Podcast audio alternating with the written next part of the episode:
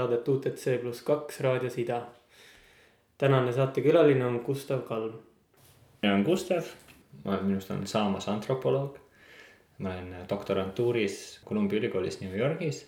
enne antropoloogia doktorantuuri astumist õppisin Prantsusmaal juurat ja Eestis, Prantsusmaal ja Ameerikas mm, igat sorti erinevaid sotsiaalteadusi me võiksime tegelikult alustada sellest, et mida, millega sa hetkel tegeled, mis sinu doktoriprojekt on mm? -hmm. ma olen praegu doktorantuuriga faasis, kus ma nüüd pean praktiliselt oma uurimistööga alustama, mis on seal Ameerikas võib-olla erinev Euroopa doktorantuuri programmidest on see, et seal on alguses kaks kuni kolm aastat auditoorset tööd, kui Euroopas valdavalt minnakse doktorantuuri konkreetse uurimisprojektiga, mis tuleb kolme-nelja aasta jooksul lõpuni viia siis Ühendriikides see projekt alguses on ähmasem ja on alguses kaks aastat ainekursusi, kolmas aasta üldeksamiteks ja siis pärast üldeksamite ja doktoritöö kavandi kaitsmist alles asutakse praktilist oma uurimistööd tegema. nüüd äh, millest minu see uurimus hakkab laias laastus käima või teema, mis mind laiemalt huvitab, on tehniline valitsemine.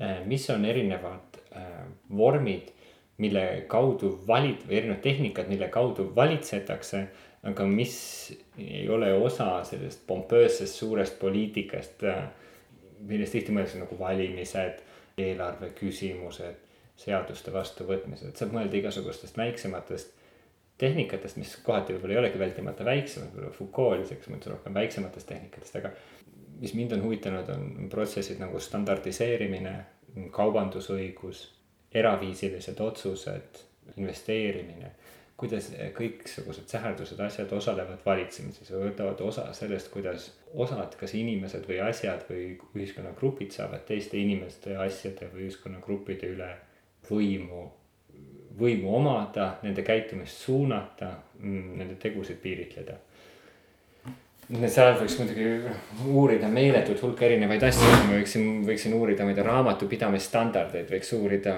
ja, ja kõiksuguseid asju on uuritud, rahvusvahelist maksustamist, mida kõike siis mm,. mind huvitavad võib-olla ennekõike, mis mind lisaks sellele tehnilisele valitsemisele huvitab, on teiselt poolt äh, ülemaailmne varajaotus äh,. ja sellest on lihtne võib-olla mõelda niimoodi, et kuna ükskõik kus, kes iganes praegu kuulab seda saadet ja vaatab enda ümber korraks ringi ja ta vaatab erinevaid asju. mis on kas temal seljast, käest, tema ümber, siis enamus neid asju pärineb mõnest rahvusvahelisest tootmisahelast. sinna sisse on läinud erinevad maavarad, erinevat moodi, no isegi võtame kõige elementaarsemad asjad, näiteks siin sama laud, mille taga meie praegu siin istume tõenäoliselt võib-olla see puit on isegi Eestist pärit, sest tal on metallialad, kus on kuskilt mujalt tulnud, mõlematel on läinud värvi, kuskil on olnud tööjõud, kes on pidanud selle värvi jaoks need keemilised elemendid välja tooma. kuskilt on need pidanud mingite suurte laevadega üle ookeanide vedama. kuskil logistikakeskuses inimesed, istuvad inimesed, kes tegelevad sellega, kuskil on olnud disainer T-särgini ei jõudnudki veel. et need mõlemad või noh, kõiksugused esemed on pärit rahvusvahelistest tootmisahelatest, mis osalevad üleilmses majanduses. samas kui meil on selline üleilmne majandus, on meil kombeks valdavalt mõelda poliitikast ja varajaotusest riiklikult. huvitavaid asju võib-olla üheksateistkümnendal sajandil, siis kui Marx näiteks kirjutas veel, siis valdavalt äh, rahvusvaheliselt või nagu riikidevahelised ebavõrdsused ei olnud nii tugevad kui siseriiklikud ebavõrdsused igal pool, ehk siis olla vaene Inglismaal ja olla vaene Venemaal ja olla vaene Hiinas ja olla vaene äh, Beniinis ei erinenud märkimisväärselt üheksateistkümnenda sajandi keskpaigas. kahekümnendaks sajandiks need vahed tõusid meeletuks. et äh, praegu olla vaene Norras või olla vaene Beniinis on meeletu vahe. ja need vahekordajad on, on ajas kasvanud tegelikult, okei okay,, need on vahepeal mingite riikide vahel nad on koomale tõmmanud, näiteks Hiinas elatustasemelt ja Hiina on üks, üks kuuendik maailmast. Äh, ka Hiina vaeste elatustaseme märkimisväärselt kasvanud ja see on rahvusvahelist statistikat nihutanud niimoodi, et tegelikult viimase kahekümne aasta jooksul Gini indeksi järgi maailm on võrdsemaks muutunud. Äh, noh, minimaalselt, aga sellegipoolest Eh, mis mind siis huvitaks, on see, et siis mõelda nendest, nendest poliitilistest protsessidest, mis osalevad ülemaailmse varajaotuse struktureerimisel. ülemaailmset varajaotust kuskil sellise suure poliitikana, nagu Eestis eelseisvad valimised kuskilt kaudu ei otsustata, siis osalevad erinevad, võiks öelda siis valdavalt tehnilised mehhanismid. Eh, võiks mõelda selles, eks ju, kaubandus, kaubandusest laiemalt, eh, ma ei tea, mingitest keskkonnaküsimustest, firmade struktureerimisest, investeerimist, mind huvitab investeerimine see on üks äh, rahvusvahelisi peamisi majandusvoogusid äh, ja mille kaudu mitupidi võib öelda, et valitsetakse. konkreetselt, mis mind investeerimise juures huvitab, on rahvusvaheline investeeringukaitse. üks juriidiline mehhanism, mis laias laastus pandi paika kuuekümnendatel, seitsmekümnendatel, ta algab varem küll. ennekõike Ameerika, tei-, Ameerika kahe maailmasõja vaheliste vastastikuse, nende nimi on, mis see on eesti keeles, Friendship, Commerce and Navigation Treaties. Sõpruse, kaubanduse ja laeva ja laevutuslepingud, ma pean tegelikult otsima täpse eestikeelset tõlke, selle kohta on kindlasti eestikeelne täpne termin olemas. aga siis need arenevad pärast teist maailmasõda kuuekümnendatel, seitsmekümnendatel välja eh, vastastikuseks investeeringukaitselepinguteks. Neid hakatakse sõlmima valdavalt selleks, et seista vastu kolmanda maailma riikide soovidele luua uus üle, üleilmne majanduskord. see on tegelikult üks kummaline moment maailma ajaloos, millest minu arvates ei ole kuskil kunagi piisavalt juttu. kuuekümnendatel, seitsmekümnendatel värskelt iseseisvunud Aasia ja Aafrika riigid äh, nõuavad, et maa, üleilmne majanduskord mõeldaks radikaalselt ümber. ÜRO-s võetakse vastu terve rida resolutsioone, milles nõutakse uut üleilmset majanduskorda äh, ja püsivat suveräänsust maavarade üle, loodusvarade üle, permanent sovereignty or natural resources. et siis seista vastu nendele soovidele, kus need kolmanda maailma riigid soovivad enda kätte, enda valdusesse saada neid varasid, mis nende territooriumil paiknevad, aga mis kolonialismi käinus on läinud lääne äh, ettevõtete haldusalasse. siis nad natsionaliseerivad, võtavad, mm, riigistavad, äh, võõrandavad vara nendelt välisettevõtetelt, et selle vastu seista siis lääneriigid valdavalt sõlmivad kolmanda maailma riikidega investeeringukaitselepinguid või siis tihti investeeringukaitse on muud moodi äh, mitte riikidevaheliste rahvusvaheliste lepete sees, vaid see on kui näiteks ettevõtete ja riikide vahelistes lepingutes. eraldi rahvusvahelise õiguse valdkond sünnib sellest. nii, ja siis äh, nende mehhanismidega siis kaitstakse lääne nende ettevõtete kolonialismi käigus omandatud vara kolmanda maailma riikides. seistakse vastu pärast teist maailmasõda hästi levinud arengumehhanism oli või arengupoliitika oli impordi asendusindustrialiseerimine, mille käigus siis sooviti lasta riiki vähem väliskapitali, et sisemajanduslikult riik areneks kiiremini.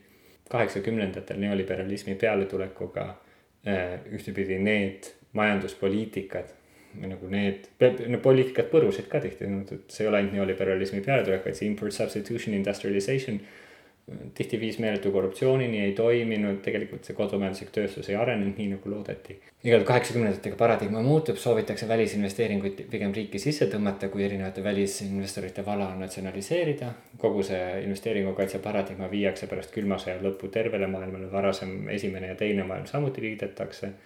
terve rida, äh, kokku üle kolme tuhande vastastikuse investeeringukaitselepingu nüüdseks ja, ja veel mõned rahvusvahelised äh, kaubandus või, või muud moodi lepped sisaldavad investeeringukaitseklausleid.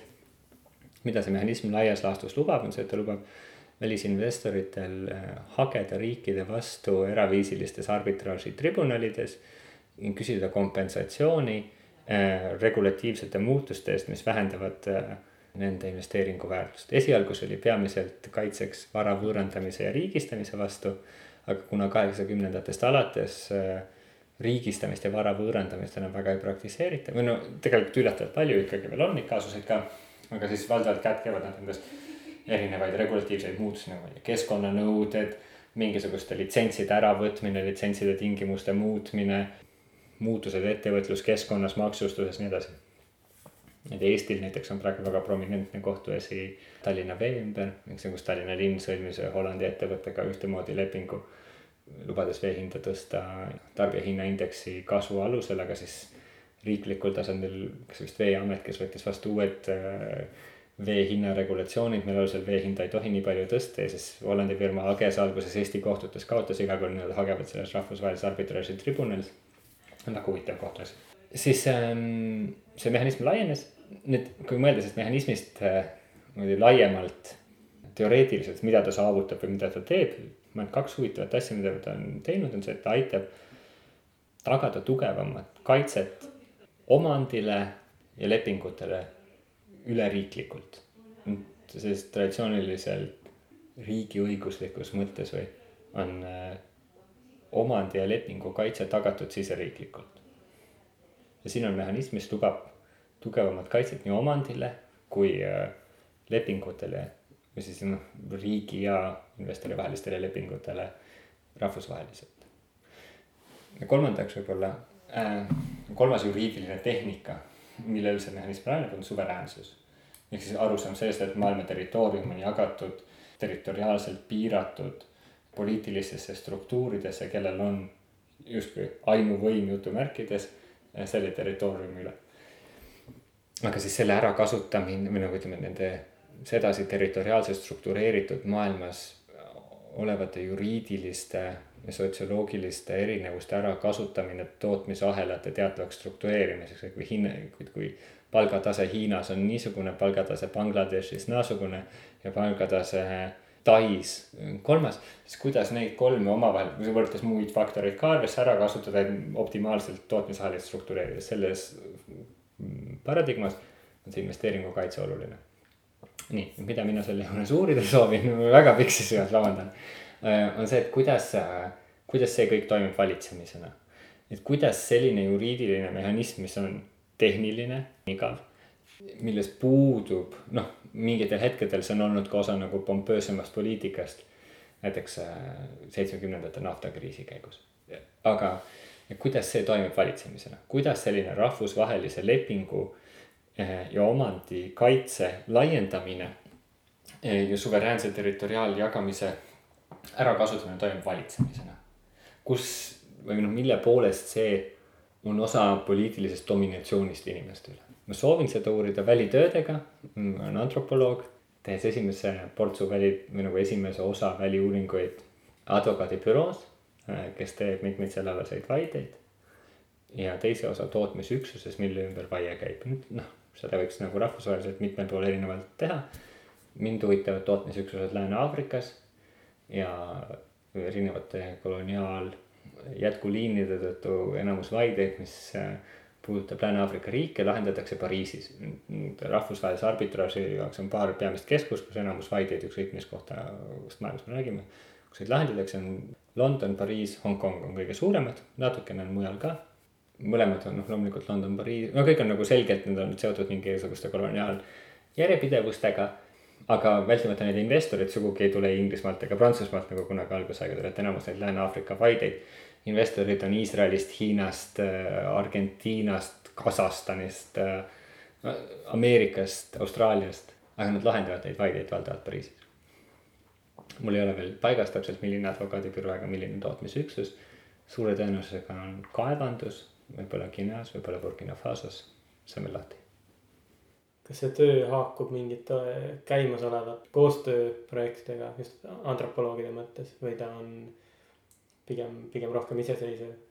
mul ei ole vist mingit koostööprojekti kellegagi, ma võin mõelda, et milliste nagu laiemate uurimissuundadega antropoloogia sees see võib-olla haakub, võib-olla see haakub kõige tugevam, või no mina ise näen seda haakumas kõige tugevamalt võib-olla kahe suunaga, mis on olnud, mis ei ole väga nagu omavahel tavaliselt koos, aga ühelt poolt äh, maailmasüsteemi uuringud, mis oli algas seitsmekümnendatel hästi pompöösselt ja siis kunagi üheksakümnendatel enam-vähem unustati ära mis oli vist, see ei ole väga, või noh, antropoloogias on terve rida autoreid, kes tol perioodil väga tugevalt seostasid selle uuringute suunaga, Sydney Mintz ja Eric Wolf on vist kõige kuulsamad.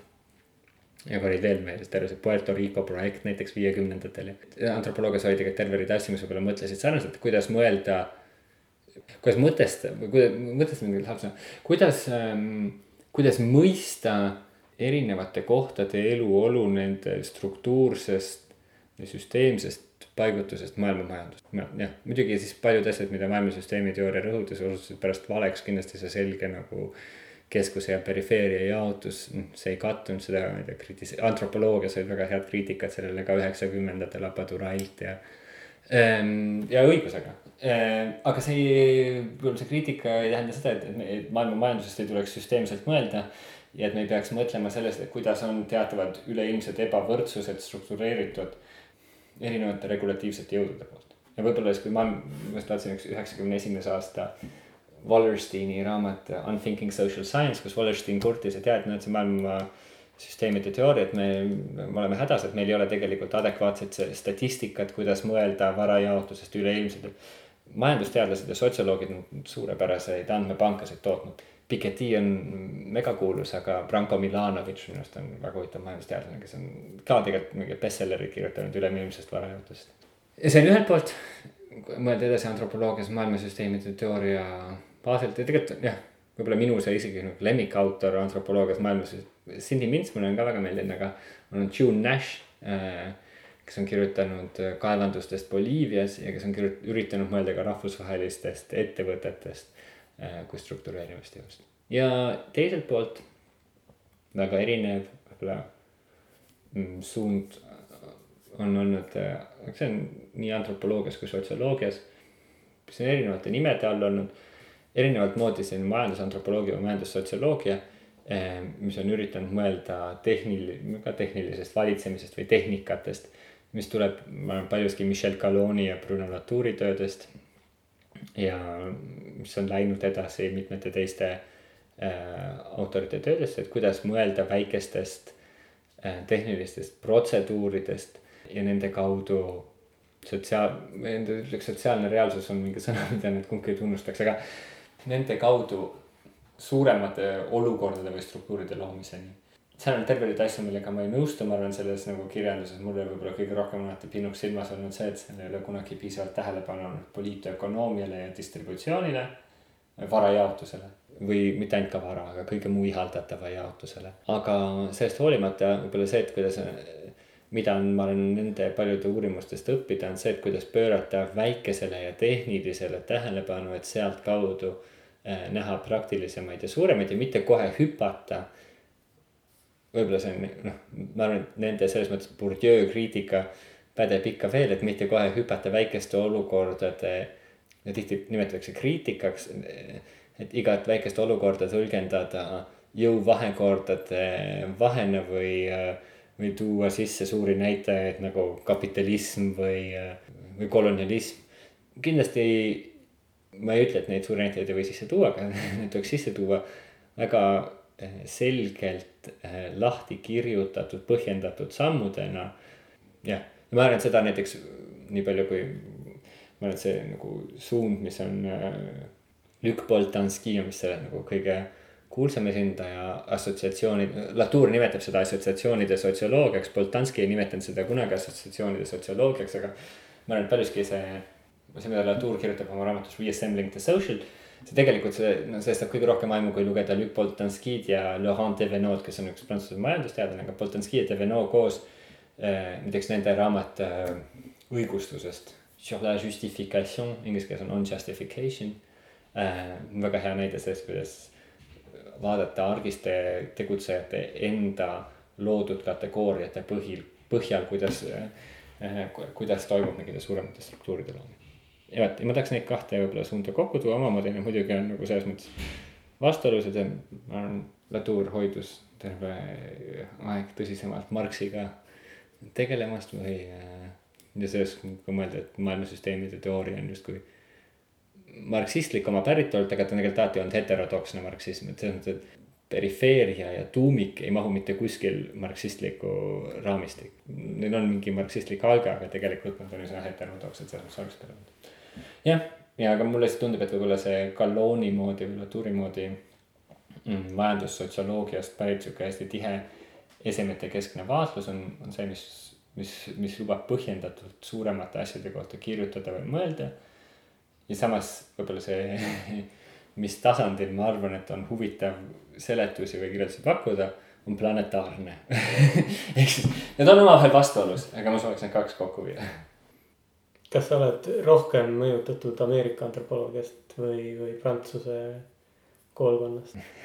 No mis puudutab antropoloogiat, ma ise, ma arvan, ma ei ole väga, ma arvan, et see mingit pidi normaalne, aga võib-olla vahel see ei ole normaalne. Et mina ei näe, et ma oleks väga tugevalt ühes distsipliinis sees, ma arvan, et isegi ma arvan, et kirjeldab väga paljusid inimesi sotsiaal- ja humanitaarteadustes tänapäeval, et nad ei ole väga. et neil on mingid teemad või küsimused, millega nad tegelevad, aga tegelikult need koolkonnad ja autorid, kellega nad suhestuvad, võivad olla nagu sotsioloogiast, antropoloogiast, geograafiast, ajaloost, poliitökonoomiast, majandusteadusest, minul kindlasti juurast ka. Neid autoreid on igalt poolt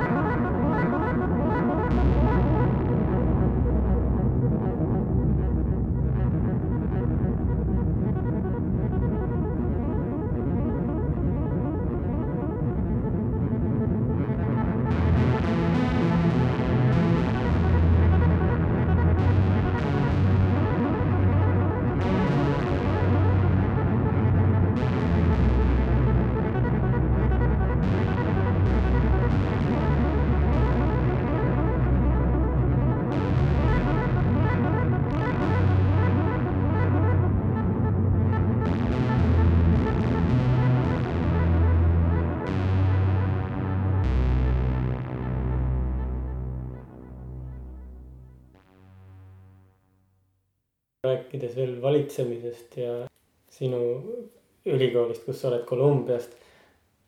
mis, mis tagajärgi on sellel hilit-, hiljutisel äh, protestil olnud, mis toimus äh, aprilli lõpus? tudengid, kes justkui nagu töötavad ülikoolis mm, -hmm. astusid ülikooli vastu välja, sest neid vaadati kui tudengeid, mitte kui ka töötajaid. aa ah, ja, ja me streikisime ju. ja see oli väga hea aga noh, lõpuks ma ei tea. Ei, see streik Ameerikas käis sellele, et äh, Ameerikas äh, avalike ülikoolide äh, doktorandid võivad ametiühinguid moodustada, aga eraülikoolide, pikka aega ei lubatud eraülikoolide doktorantidel äh, ja ka ülikooli jaoks töötavatel teistel üliõpilastel moodustada ametiühinguid.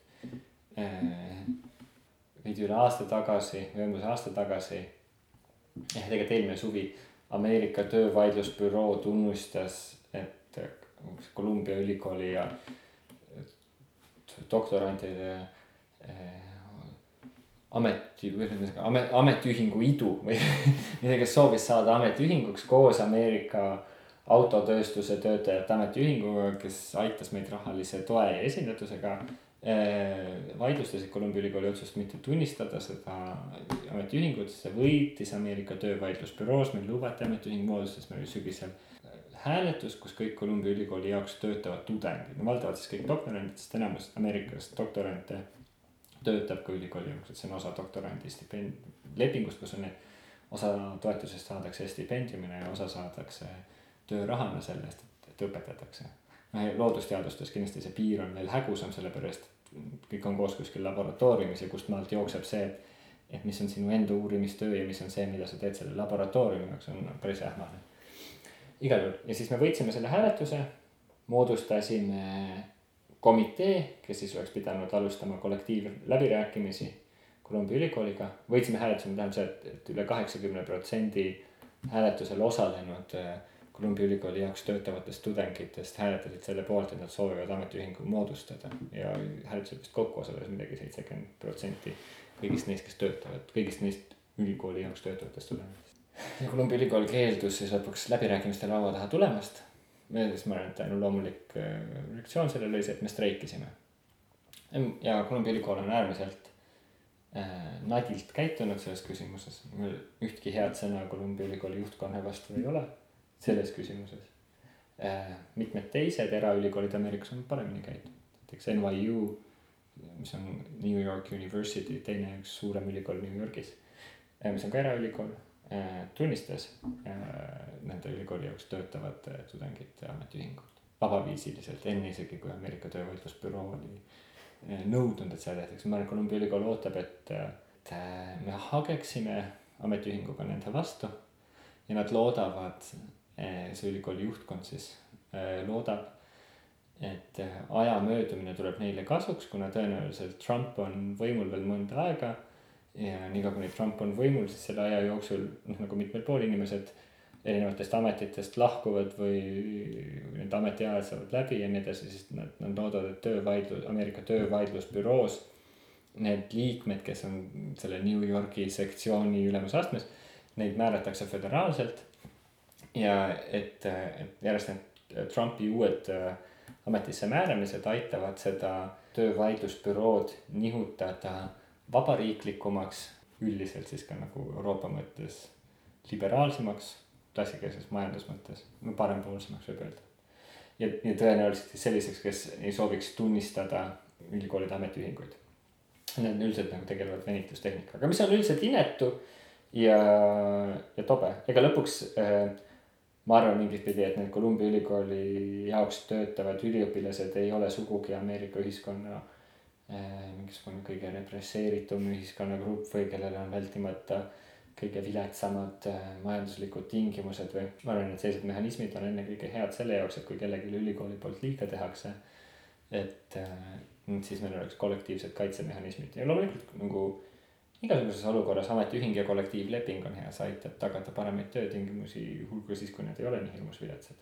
aga jah, aeg-ajalt nagu kriitiliselt selle liikumise seest ja see nagu mulle vahel tundus, et äh, võib-olla tulles ka Ida-Euroopast, ma ei saa öelda, et Eestiga on mingi vaene koht, eks ju, oleks, aga et tulles kohast, kus see võib-olla aga noh, samas ma mõtlen, ma võrdlen lihtsalt, et minu kolleegid, kes on Peruust või Indiast, vaid seal on kindlasti akadeemilises maailmas inimestel nagu märksa viletsamad tööolud.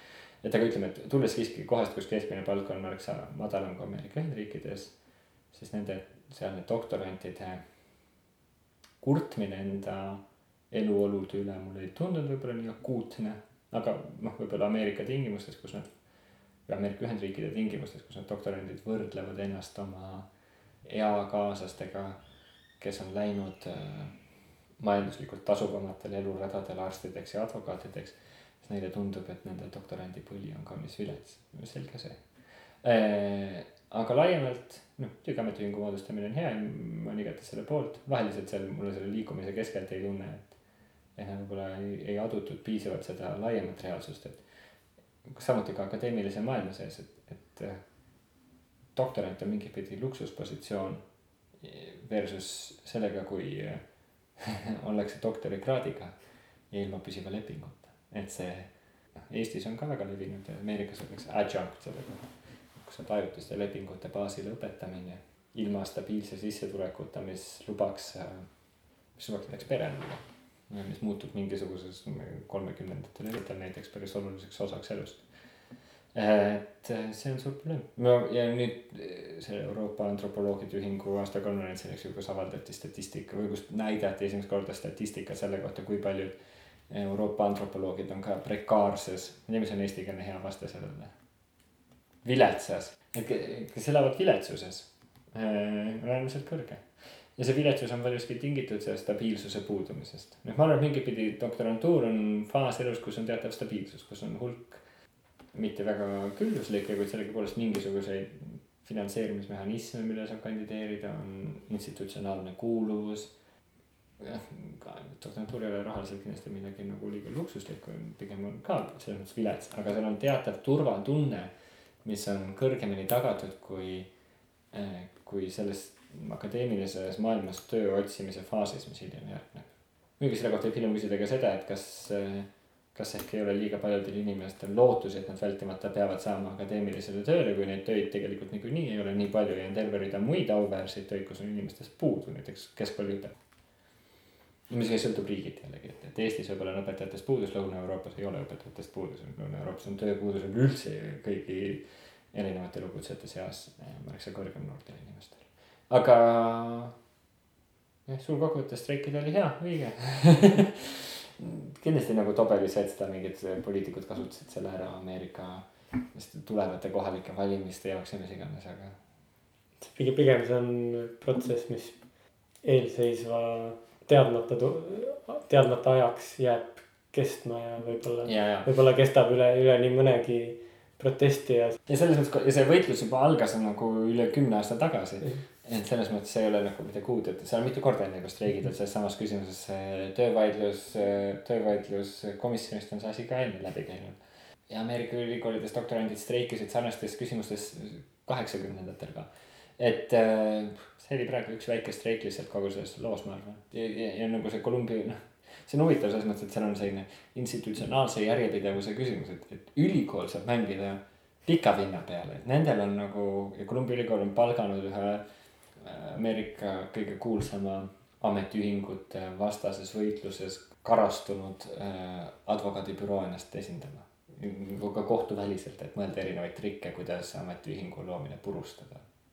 et, et see võitlus jääb kestma ma, ma ei, ma, ma nemad näevad selle peale, et ülikool ise jääb pidama, aga doktorandid on seal mingiks piiratud perioodiks.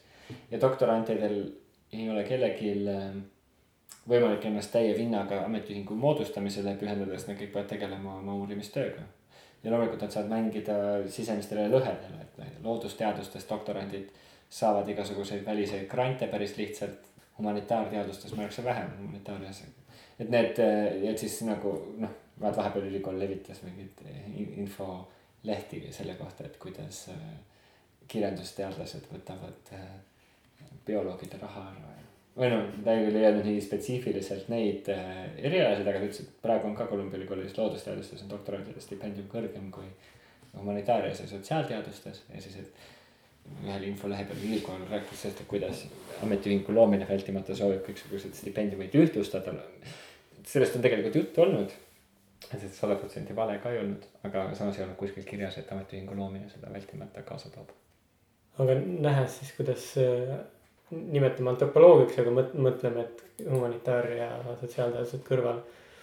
kui mõelda ajast, siis nad ei, ei saa öelda, et oleks kiire teadus või aeglane teadus, et juba sellest, mis me oleme praegu rääkinud, on näha, et need protsessid on nii vastuolulised ja, ja, ja põrkuvad, kuidas sa näed antropoloogiat, kui me räägime kiirest ja aeglasest ja mõeldes su enda välitööle, mis kahtlemata on ka, oleneb sellest, kui sa sinna jõuad ja siis mm -hmm. mis protsessid toimuvad ja, ja, ja kuhu sa, kuhu sul ligipääs tekib ja kuhu su ligipääs kaob. kas antropoloogia on äh, mingites temporaalsetes muutustes hetkel. või kahtlemata see on juba pikalt kestnud, aga kas praegu on midagi, mida võiks välja tuua?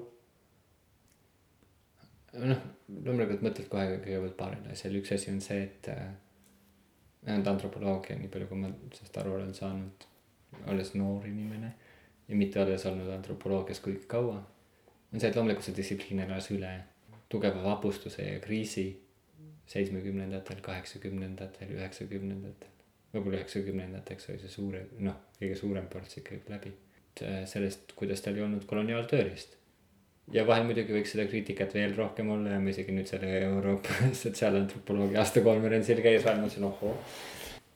aga ma et laias plaanis sellega nagu nii suur hulk varasemat antropoloogiat lihtsalt visati välja, siis, no siis tulid aeg-ajalt nagu haug ja soovis seda tagasi tuua. ma sellest teeks nagu, jah, see on üldine antropoloogia.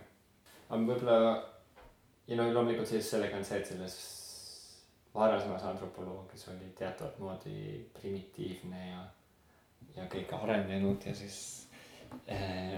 Aga, aga isegi hiljem antropoloogia on valdavalt, eks ju olnud, mis on antropoloogiat sotsioloogiast mitut pidi eristanud, on olnud see, et, et valdavalt jõukamatest läänemaadest pärit uurijad, valdavalt endistest äh, äh, koloniaalimpeeriumite äh, metropolidest uurijad vaatavad, kuidas inimesed elavad kuskil mujal maailmas.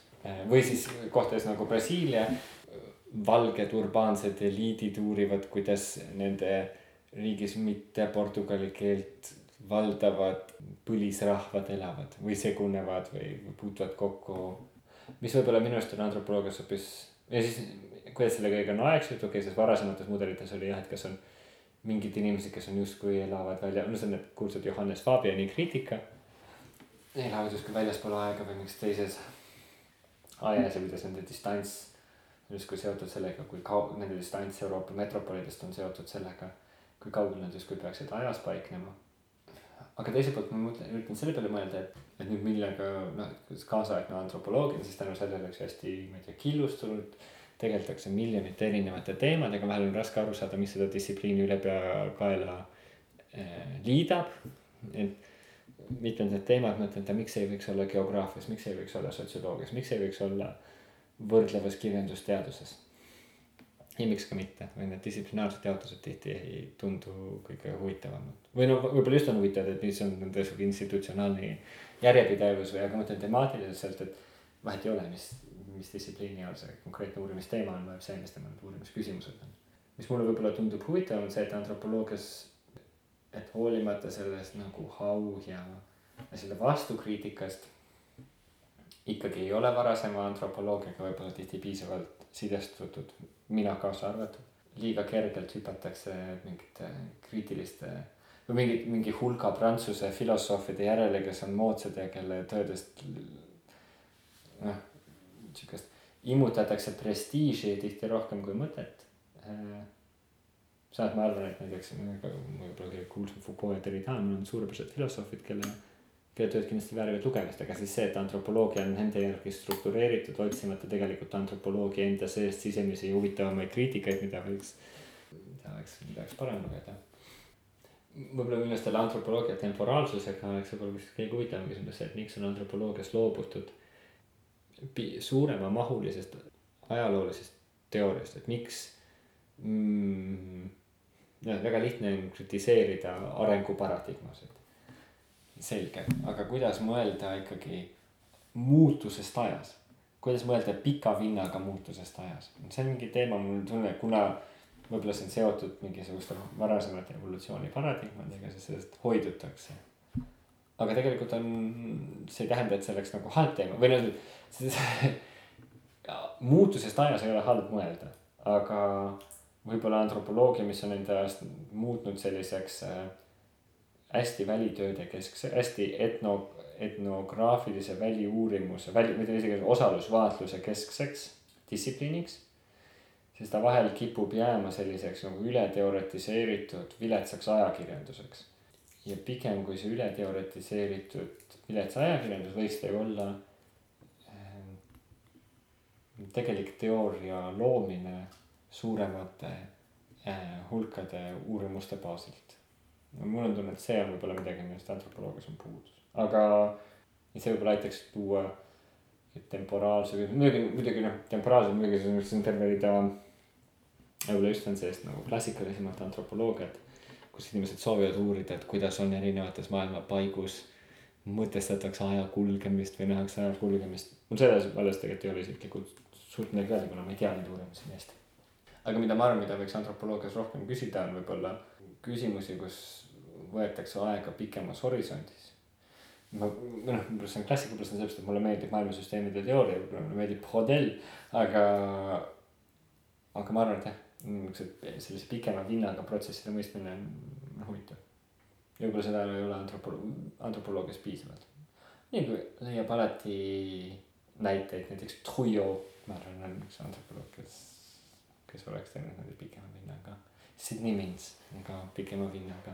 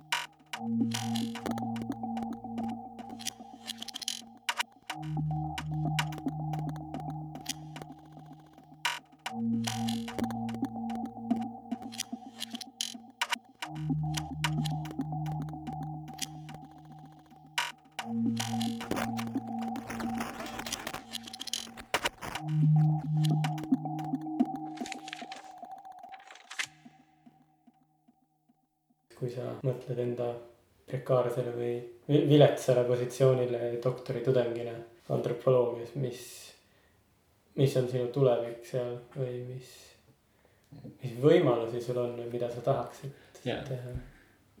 ma, mina ei arva, et minul oleks doktorandina vältimata äärmiselt vilets positsioon. kindlasti seda ei ole, ma arvan, et on doktorant on terve või no mul on hästi läinud, ma olen saanud toetusi, mul on okei okay..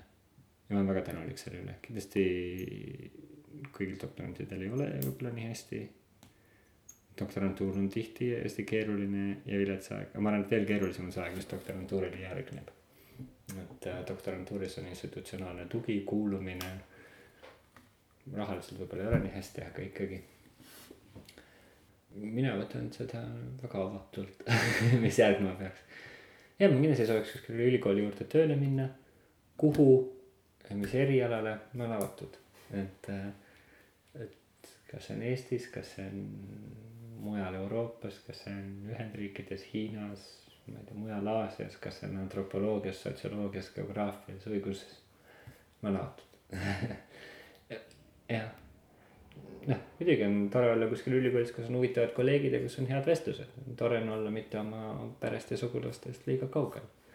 Need on olulised asjad, aga ma arvan, et see on ka huvitav nagu uus asi Euroopa, võib-olla, mis on seal akadeemiliselt, antropoloogia akadeemilisel tööturul, mis tuleb huvitavalt esile, aga mis on võib-olla mingisugune laiem reaalsus, mis on Euroopas juhtumas paljudel elualadel.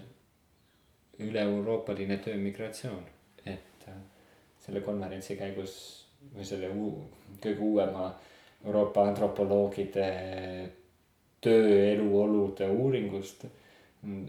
Tuli, ma enam täpset protsenti ei mäleta, kas oli nelikümmend protsenti antropoloogidest olid eh, viimase viie aasta jooksul vähemalt kaks korda vahetanud seda riiki, kus nad elasid. noh, seda on väga palju. see tähendab, et väga palju on inimesi, kes sellepärast, et järjest rohkem ülikoolid, ülikoolid üle Euroopa muutuvad ingliskeelseks. lihtne on käia postdoc'is, mingisuguses teistsuguses uurimisvahetuses kuskil mingi uurimisrühmaga seotud olla ühes riigis. Ajutisi lepinguid mitmesuguseid on. tänu internetile ja inglise keelele, nende kohta info ja kandideerimine. info nende kohta laiemalt kättesaadav, kandideerimine lihtsam kas see on hea, ma ei tea või nagu. kindlasti selles on mitmed head asjad, et see on nagu hea selles mõttes, et inimesed saavad rahvusvahelisemat kogemust, need ideed levivad.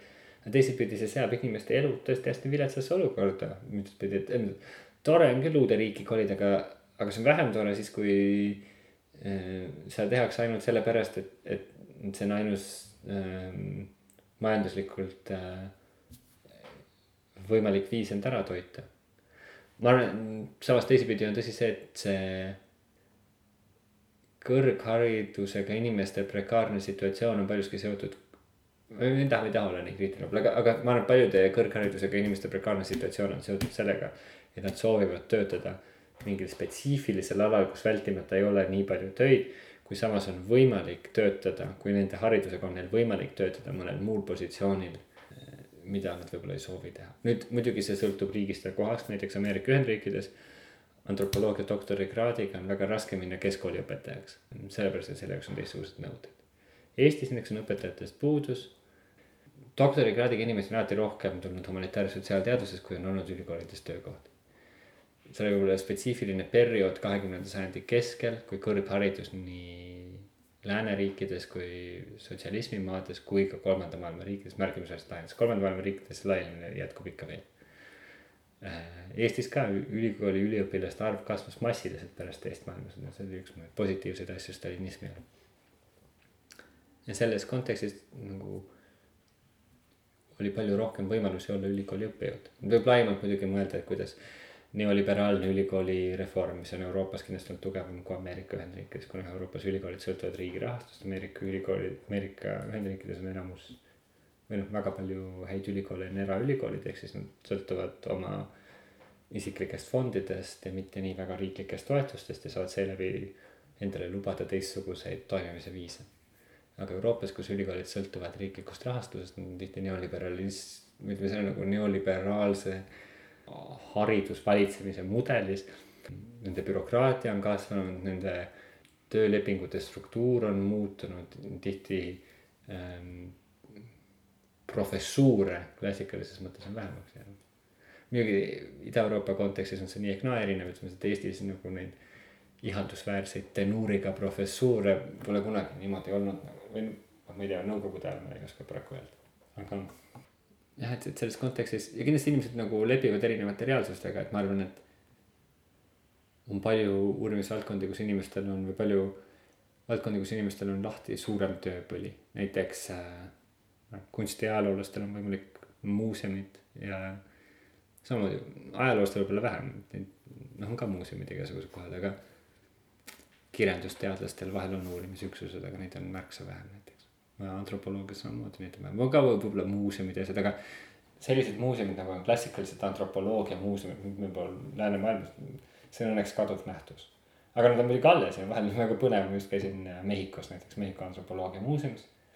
väga, väga, väga põnev ekspositsioon, aga ta on kindlasti orientalistlik äh, kindlasti eksponeerib mitte lääne kultuure essentsialistlikult kuidagi ähm, teisena Eestis,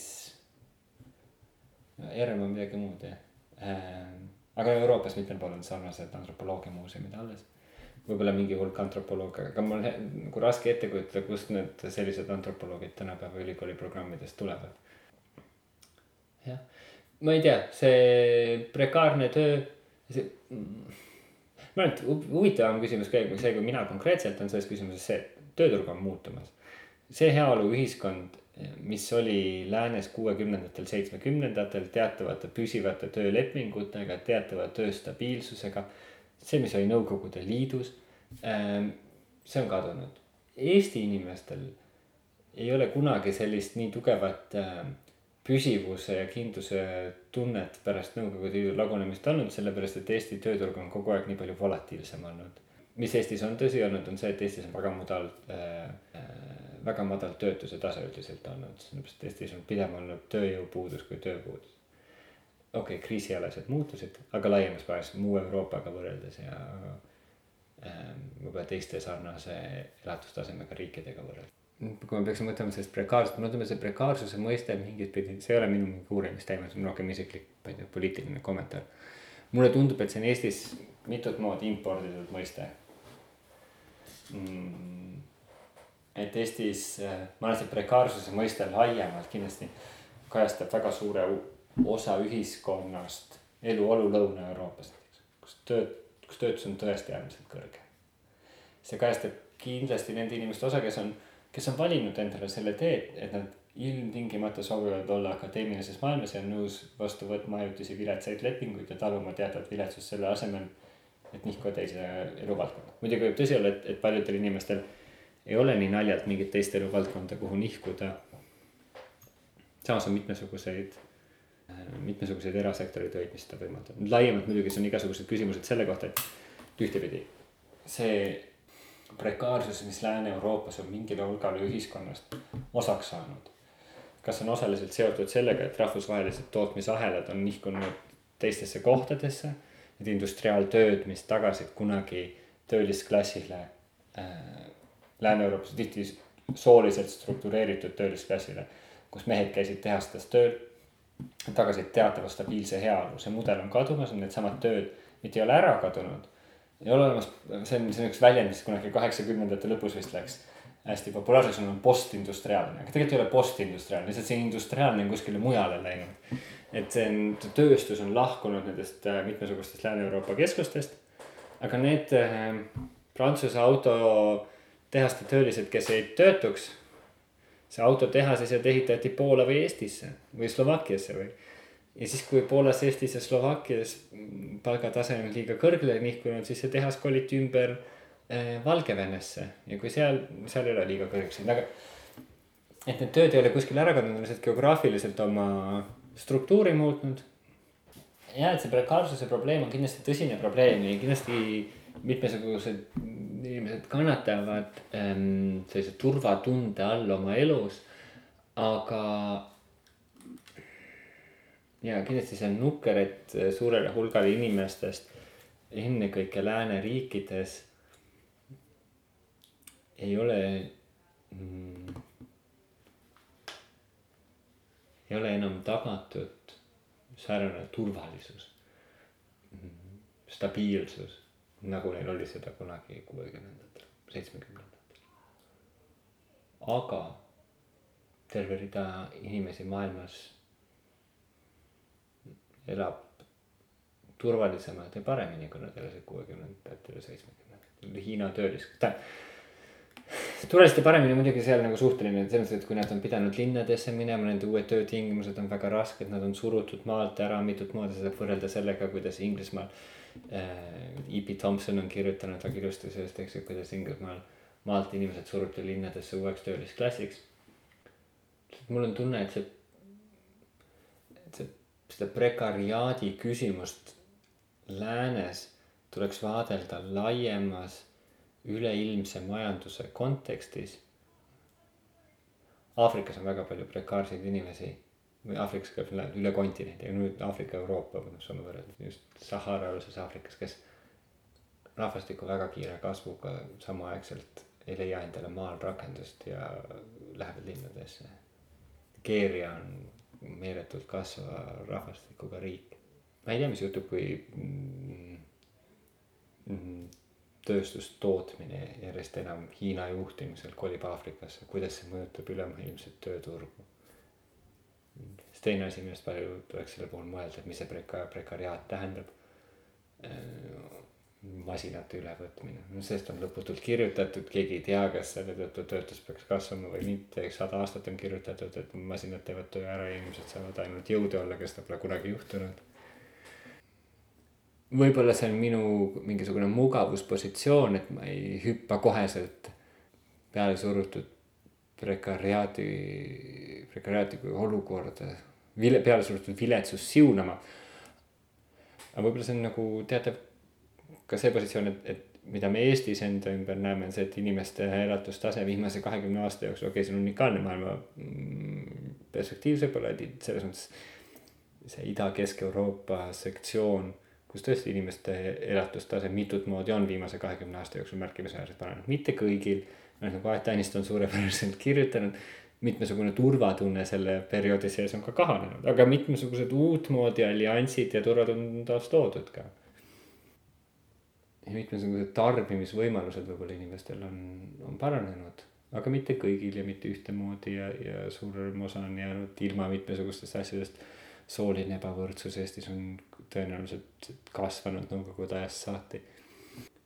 mulle lihtsalt vahel tundub, et see, selle prekariaadi jutu Eestisse ületoomine öö, on lääne ühiskonna teatava ühisgrupi spetsiifilise äh, majanduskonteksti mingi asja ületoomine konteksti, kus see nii täpselt ei haaku ja ma arvan, et need paljud need prekariaadi küsimused on väga tõsised mured mitmel, ma arvan, et Lõuna-Euroopas on see väga tõsine mure nüüd. tõesti, noorte tööpuudus Hispaanias, Itaalias, Portugalis meeletu.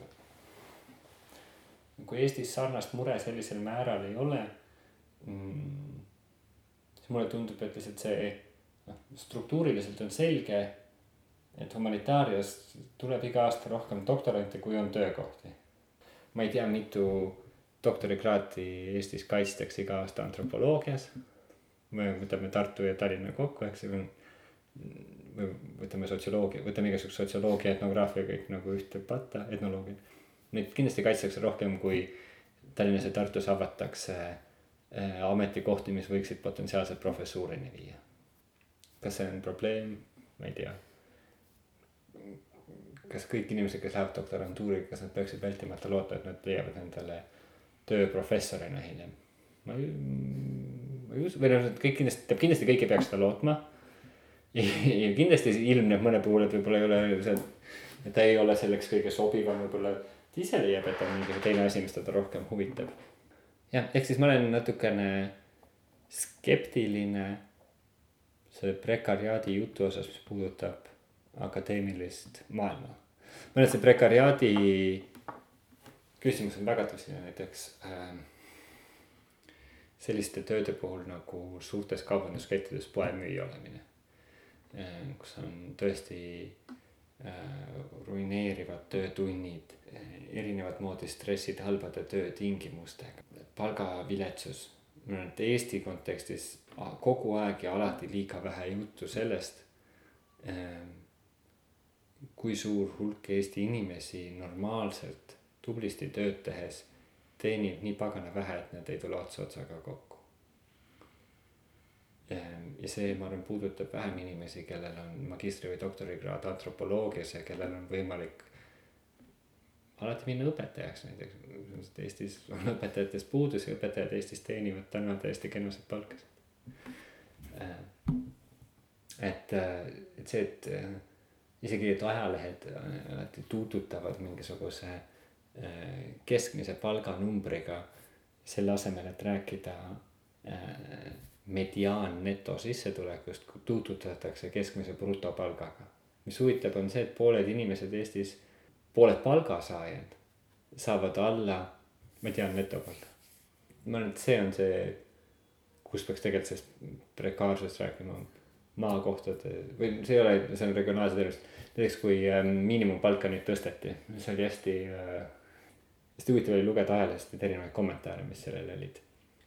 ja siis mitmed ettevõtted ütlesid, no ja mis siis, miks seda üldse tõsta vaja oli, sellepärast et niikuinii me ei maksa ju kellelegi nii madalat palka kes asja, täiesti mõttetu asi, et seda üldse tõsteti.